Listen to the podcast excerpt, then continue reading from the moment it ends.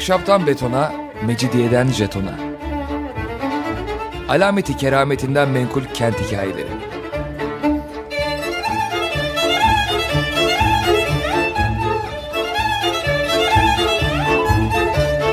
Hazırlayan ve sunan Pınar Erkan.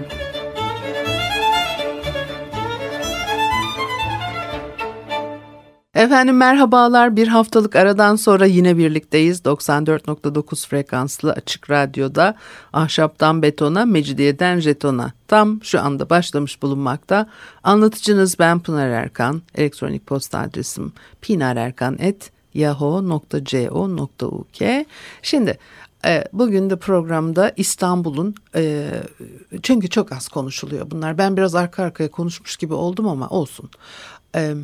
İstanbul'un e, alınmasından sonra 2. Mehmet tarafından e, o tarihi yarımada içerisindeki mahalleler falan nasıl oluşmuş biraz onları şimdi son kez biraz e, Halil İnalcık kaynak temel kaynağımız onları size biraz anlatacağım. Ondan sonra da niyetim önümüzdeki hafta başka bir önemli tarihçinin gözüyle e, çok enteresan bir, bir, bir şeyler var. Hani bir karşılaştırma gibi ama orada çok yeni bilgiler de e, olacak. Onları size anlatmak istiyorum. Şimdi e, tabii 2. Mehmet şehri alıyor ve Sultanül Berreyn ve Hakanül Bahreyn yani iki karanın sultanı iki denizin hakimi ünvanını benimsiyor.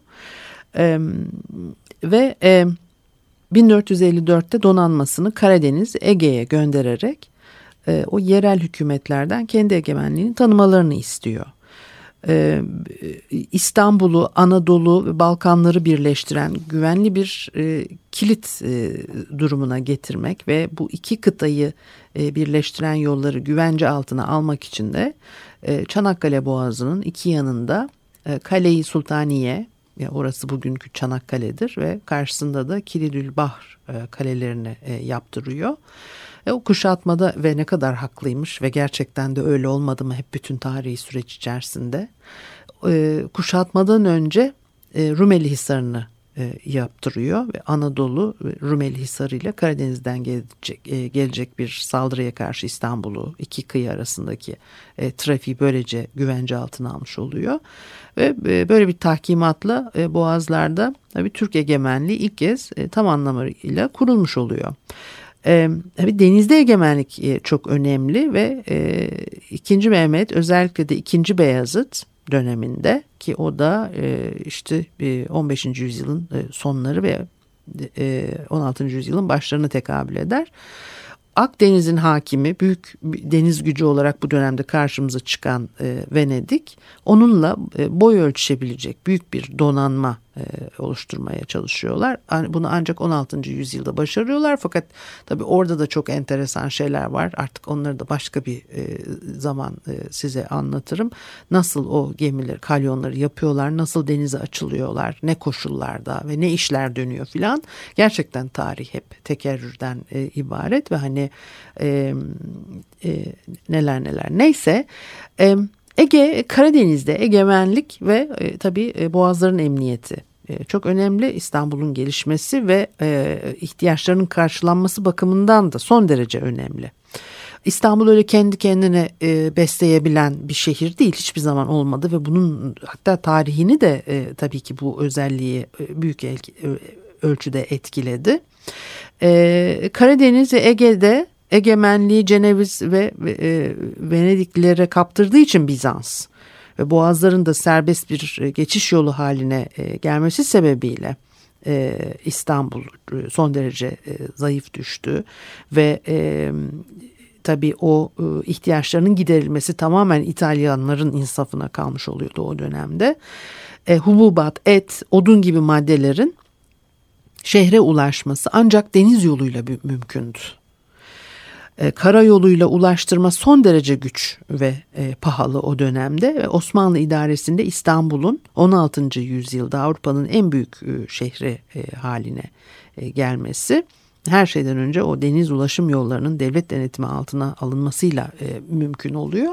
İşte onun için bu oraları buraları gidip fethetmek, e, sınırları içine e, katmak çok önemli. Çünkü öbür türlü sadece sur duvarları içerisinde bir tarihi yarımada e, hele hele boğazları korumak, kollamak ve uzun süre bu bölgeyi elinde tutmak çok da mümkün değil. Mısır, pirinç, fasulye, baharat yani Mısır'dan geliyor o e, buğday yağı, e, salamura balığı kefeden, e, Dobruca Akkerman e, Moldova'daki e, Boğdan'dan et geliyor. E, Trakya'da buğday yetişiyor. Marmara bölgesinin sebzesi meyvesi hep deniz yoluyla İstanbul'a e, ulaşıyor e, İstanbul'un dünyanın o e, işte büyük şehirlerinden e, şu metropol kelimesini hiç sevmiyorum hele bu geçmiş yüzyıllar için kullanmayı da hiç sevmiyorum ama hani o dönemin en önemli işte e, o e, kalibrede o ölçü, ölçekte bir şehri haline gelmesi.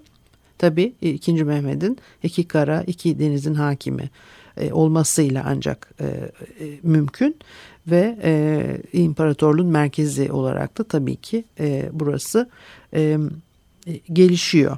Şimdi e, İstanbul'un e, çevresinde e, Boğaziçi'nin Rumeli kıyılarında Karadeniz ve Eyüp çevresine kadar uzanan bölgede 160 kadar e, köy kuşatma sırasında nüfus kaybediyor.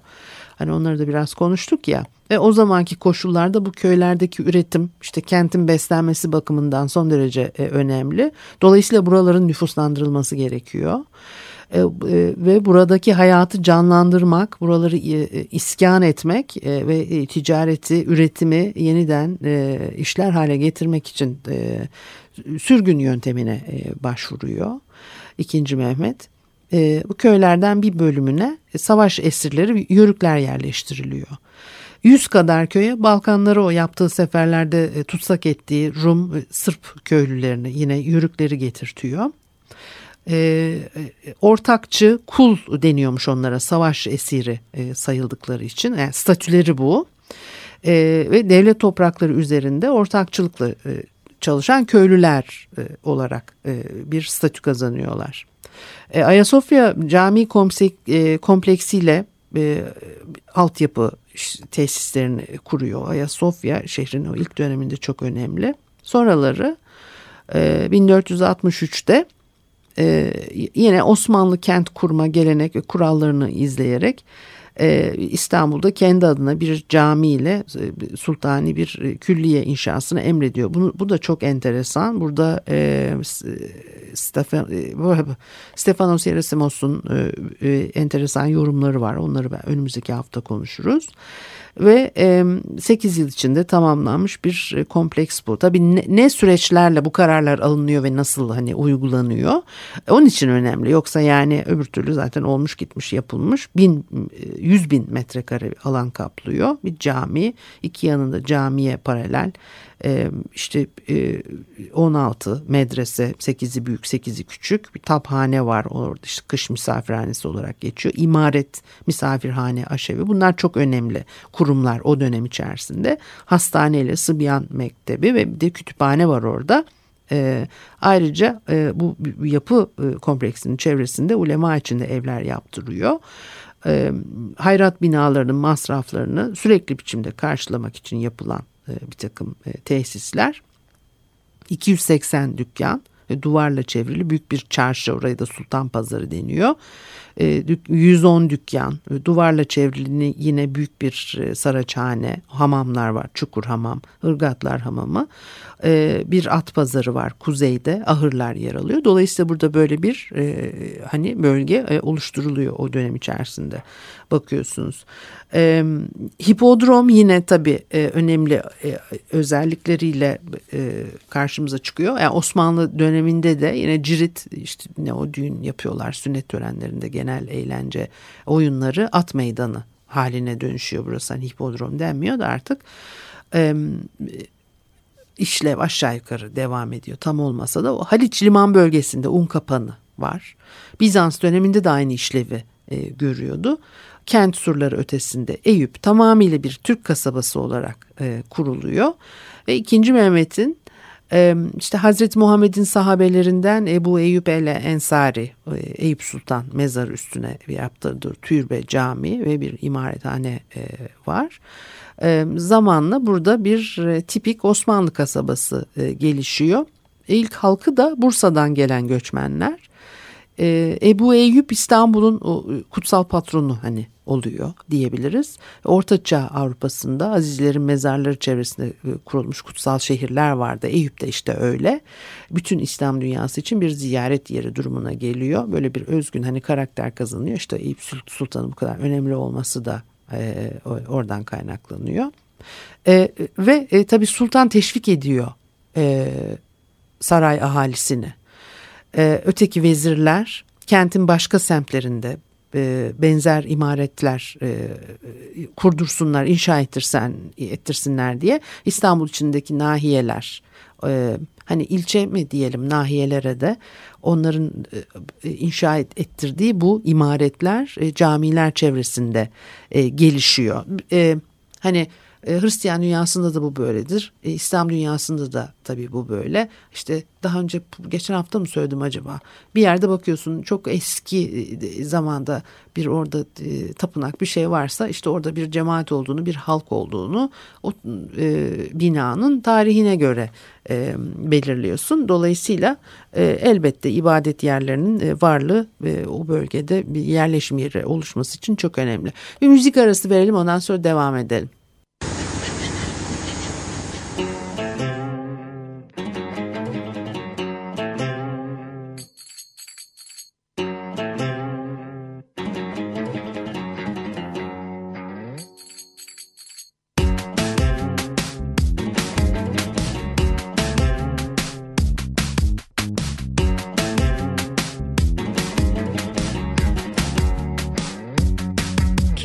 sadece işinde gücünde. Kimisi sadece heyecan peşinde. Kimisine sorulmaz bile derdine. Kiminle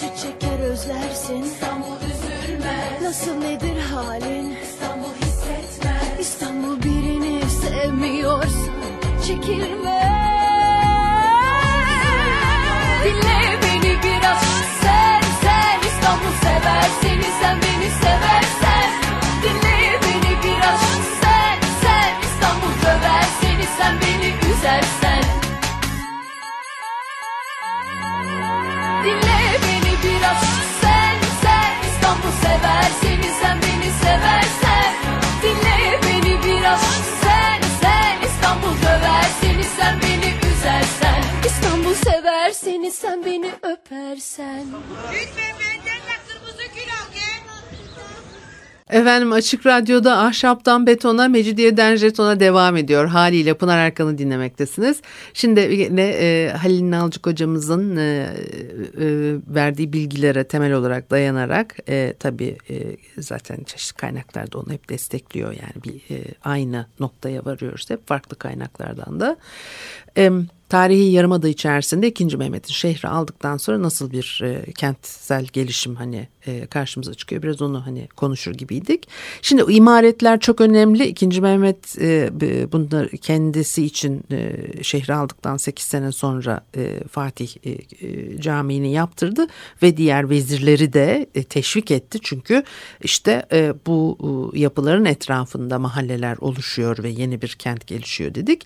E, antik, antik kentlerde de İslam kentinde de iki bölümden oluşuyor genel olarak e, yerleşmeler. Büyük tapınak veya büyük pazarın bulunduğu bölümde kentin ekonomik ve sosyal hayatı e, odaklanıyor ve e, burası genellikle planlı ve organize oluyor. E, ayrıca halkın özel hayatının e, tabii ki e, yaşandığı geliş güzel kurulmuş mahallelerde vardır. E, herhalde 200 bini e, bulan nüfusu 12 e, nahiyesiyle tarihi Osmanlı İstanbul'u e, İkinci Beyazıt e, döneminde e, karşımıza çıkıyor. Çünkü hani ikinci Mehmet'ten sonra ikinci Beyazıt döneminde daha farklı bir tutum e, yaklaşım ortaya konmaya başlıyor. O çok net. Bu dönemde Suriçi İstanbul asıl büyük bir metropol durumunda. Galata, Eyüp, Asya'dan gelen kervanların son durağı olan Üsküdar bu ana merkeze bağlı e, bağımlı e, kasabalar olarak e, karşımıza çıkıyor. Bir de sur kapıları var. Onlar da çok enteresan. E, şehrin e, topografyasında e, 27 kapı. Hani biz bugün 3-5 tane kapı e, sıralıyoruz. Aslında 27 e, kapı e, birkaç tanesini sayayım sadece. Ne diyor mesela bahçe kapı, balık pazarı kapısı, zindan kapısı, odun kapısı, ayazma kapısı, un kapanı, cibali, aya kapı, içeri e, Yeni Kapı, Petri e, Kapısı, Fener Kapısı, Balat, Ayvansaray diye böyle devam ediyor. E, Langa Kapısı, Kum Kapı, Çatladı Kapı, Ahır Kapı. Ah, yani aşağı yukarı aslında ben de 3-5 tanesini söyleyip geçiyoruz dedim ama bunların da hepsi tanıdık yani bunların da içinde hiç aa bunu da ilk defa duydum falan dediğimiz bir şey yok. Şimdi imaret sistemi temel kurum olarak işliyor. O çok önemli. Türk İslam şehrinin kuruluşunda. Yalnız yani 2. Mehmet'in hakikaten e, işte bu konularda da tartışmalar hiç bitmez. Türk İslam İslam şehri kurmaya çalışıyordu. Yani e, neyse e, hocalarımıza da saygımız sonsuz. Hani böyle küçük e, tam öyle miydi değil miydi veya işte bu konular böyle tartışılmaya e, devam ediyor. Hani bugün biz külliye diyoruz ama geçmiş dönemlerde imaret olarak daha çok e, cami etrafında medrese işte okul yani mektep ekmek e, aş dağıtılan aşhaneler tabhaneler olarak böyle bir e, e, yapı kompleksi karşımıza çıkıyor. Tabii e, e, dini konularda bir eğitim söz konusu o hayrat işleri var ve çocukların da eğitimi bunlar tabii temel sosyal hizmetler e, imaretler aracılığıyla sağlanıyor. Şehre gelip yerleşen halk ilk önce e, imaret etrafında yerleşmeyi tercih ediyor.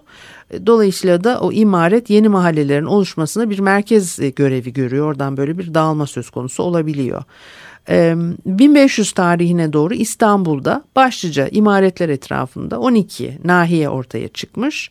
Ayasofya, Mahmut Paşa, Ali Paşa, İbrahim Paşa, Sultan Bayezid, Ebul Vefa, Sultan Mehmet, Ali Paşa, Murat Paşa Davut Paşa, Koca Mustafa Paşa ve Topkapı. İşte bunlar e, hep bu bölgede e, işte vezirlerin, yöneticilerin e, inşa ettirdiği imaretler. Zaten camiler de o isimlerle anılıyor veya e, işte mahalle o isimlerle e, anılıyor. Bugün Fatih dediğimiz e, bölge. Ve e, tabii Yeni Saray'a, e, Topkapı Sarayı, e, Yeni Saray ona bitişik olarak e, Ayasofya nahiyesi birinci e, olarak karşımıza çıkıyor.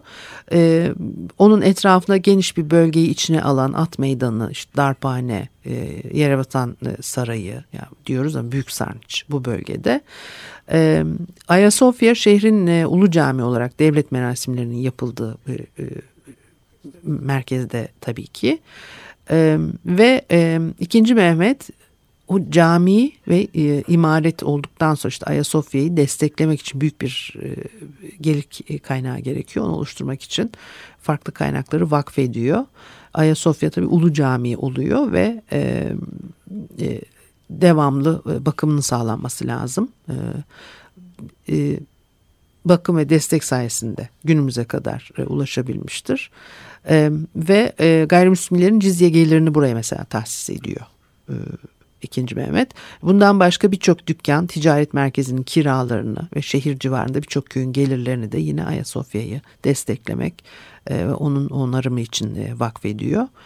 E, yıllık gelir senesine göre 790 bin akçe 698 bin akçe ile 790 bin akçe arasında değişiyor. Bu dönemde 45-50 akçe bir Venedik altını karşılığında ve ondan sonraki dönemde de ay onları da çok şimdi ama hiç de vaktimiz kalmadı. Belki ayrıca nasıl para nasıl kaybetti değerini kaybediyor. E, metal akışı nasıl oluyor Avrupa'dan ondan sonra nasıl o bizim en parlak zannettiğimiz Süleyman e, Kanuni döneminde e, açık veriliyor hazine filan. Yani e, ve e, bu arada yöneticiler nasıl davranıyor? E, Rüstem Paşa nasıl zengin olmuş? Nasıl zengin olmuş Rüstem Paşa? Sadece Rüstem Paşa mı? Diğerleri nasıl zengin? Bu kadar varlıklı olmuş bu adamlar. E, bunlar tabii e, ayrıca e, konuşulsa süper olacak şeyler. Şimdi e, Ayasofya'nın efkaf gelirleri cizyeden başka. Mahmut Paşa Hamamı civarında işte Kervansaray, Bodrum Kervansarayı var. Esir Pazarı, çarşıda bedesten dükkanları, aşhaneler, un kapanı, balık pazarında tuz kapanı, boza dükkanları, yemiş kapanı, 2000'den fazla dükkan ve bunun gibi daha birçok gelir getiren yerler sayesinde ve başlıca Eyüp'te e, Fatih İmareti, e, çeşitli çarşılarda 486 konut, Altı Mermer Mahallesi'nde hamam, mumhane geliri, maytaphane, cenderehane, Galata Üsküdar'daki e, akaretler e, hepsi Ayasofya Efkafı bütçesini e, oluşturuyor. E, daha sonra başkaları da bu, bunun içerisine katılıyor. Dolayısıyla çok zengin bir gelir kaynağı var Ayasofya'nın. E, e, e, Ayasofya Camii'nde hizmet görenler, Kalenderhane Medresesi, İstanbul, Galata'nın çeşitli yerlerindeki camiler e, o vakıf e, gelirinin önemli bir kısmı e, Ayasofya e, Zeyrek camilerinin onarım e, masraflarına e, işte ayrılıyor.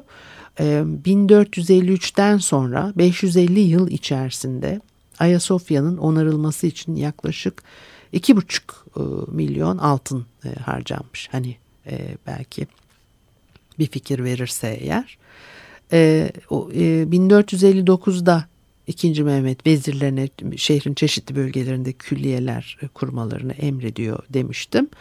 E, işte o zaman o Fatih Külliyesi'ni de kendisi e, yapıyor. 1463'te o külliyeye başlandı.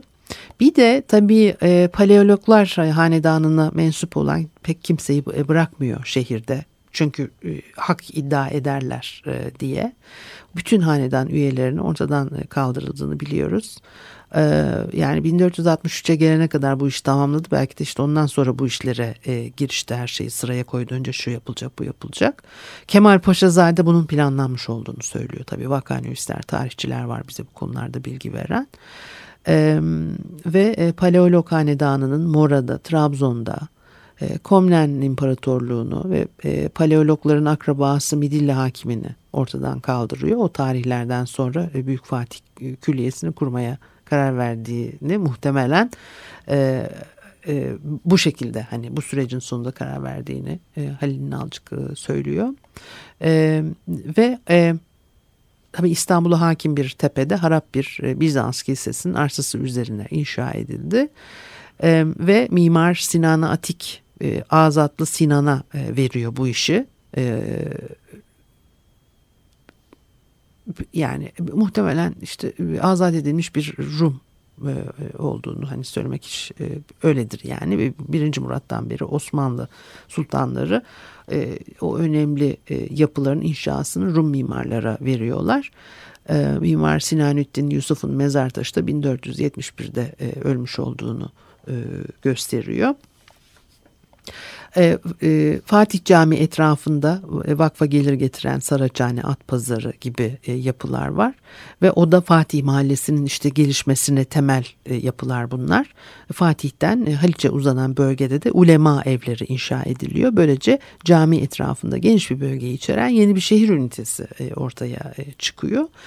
E, Fatih yani Fatih imaretini bir geniş e, bir e, Fatih Mahallesi olarak e, ele almak çok daha e, doğru olacak tabii bu gözle baktığımız zaman. E, ve Eminönü Yemiş İskelesi hattında kapalı çarşı divan yoluna kadar olan bölge pazar bölgesi. Edirne kapıdan gelen kervanlar kapalı çarşıya mallarını getiriyorlar. Oradaki mallar Bedesten çarşı dükkanlarına, mahzenlere, depolara konuyor.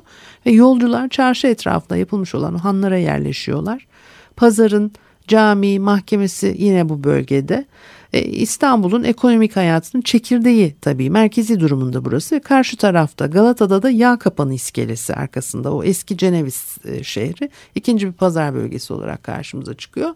Bu kapan tabii bunlar yani depo demek yağ kapanı, un kapanı. Halic'in iki tarafında karşımıza çıkan e, e, e, iskeleler ve e, işte gümrük kapıları. Bu haftalık da bu kadar olsun. E, haftaya görüşene kadar. Hoşçakalınız.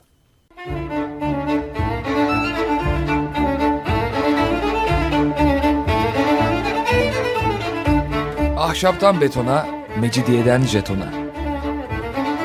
Alameti kerametinden menkul kent hikayeleri.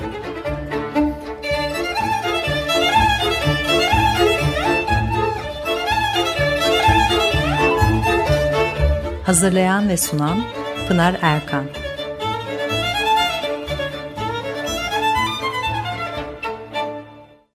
Açık Radyo program destekçisi olun. Bir veya daha fazla programa destek olmak için 212 alan koduyla 343 41 41.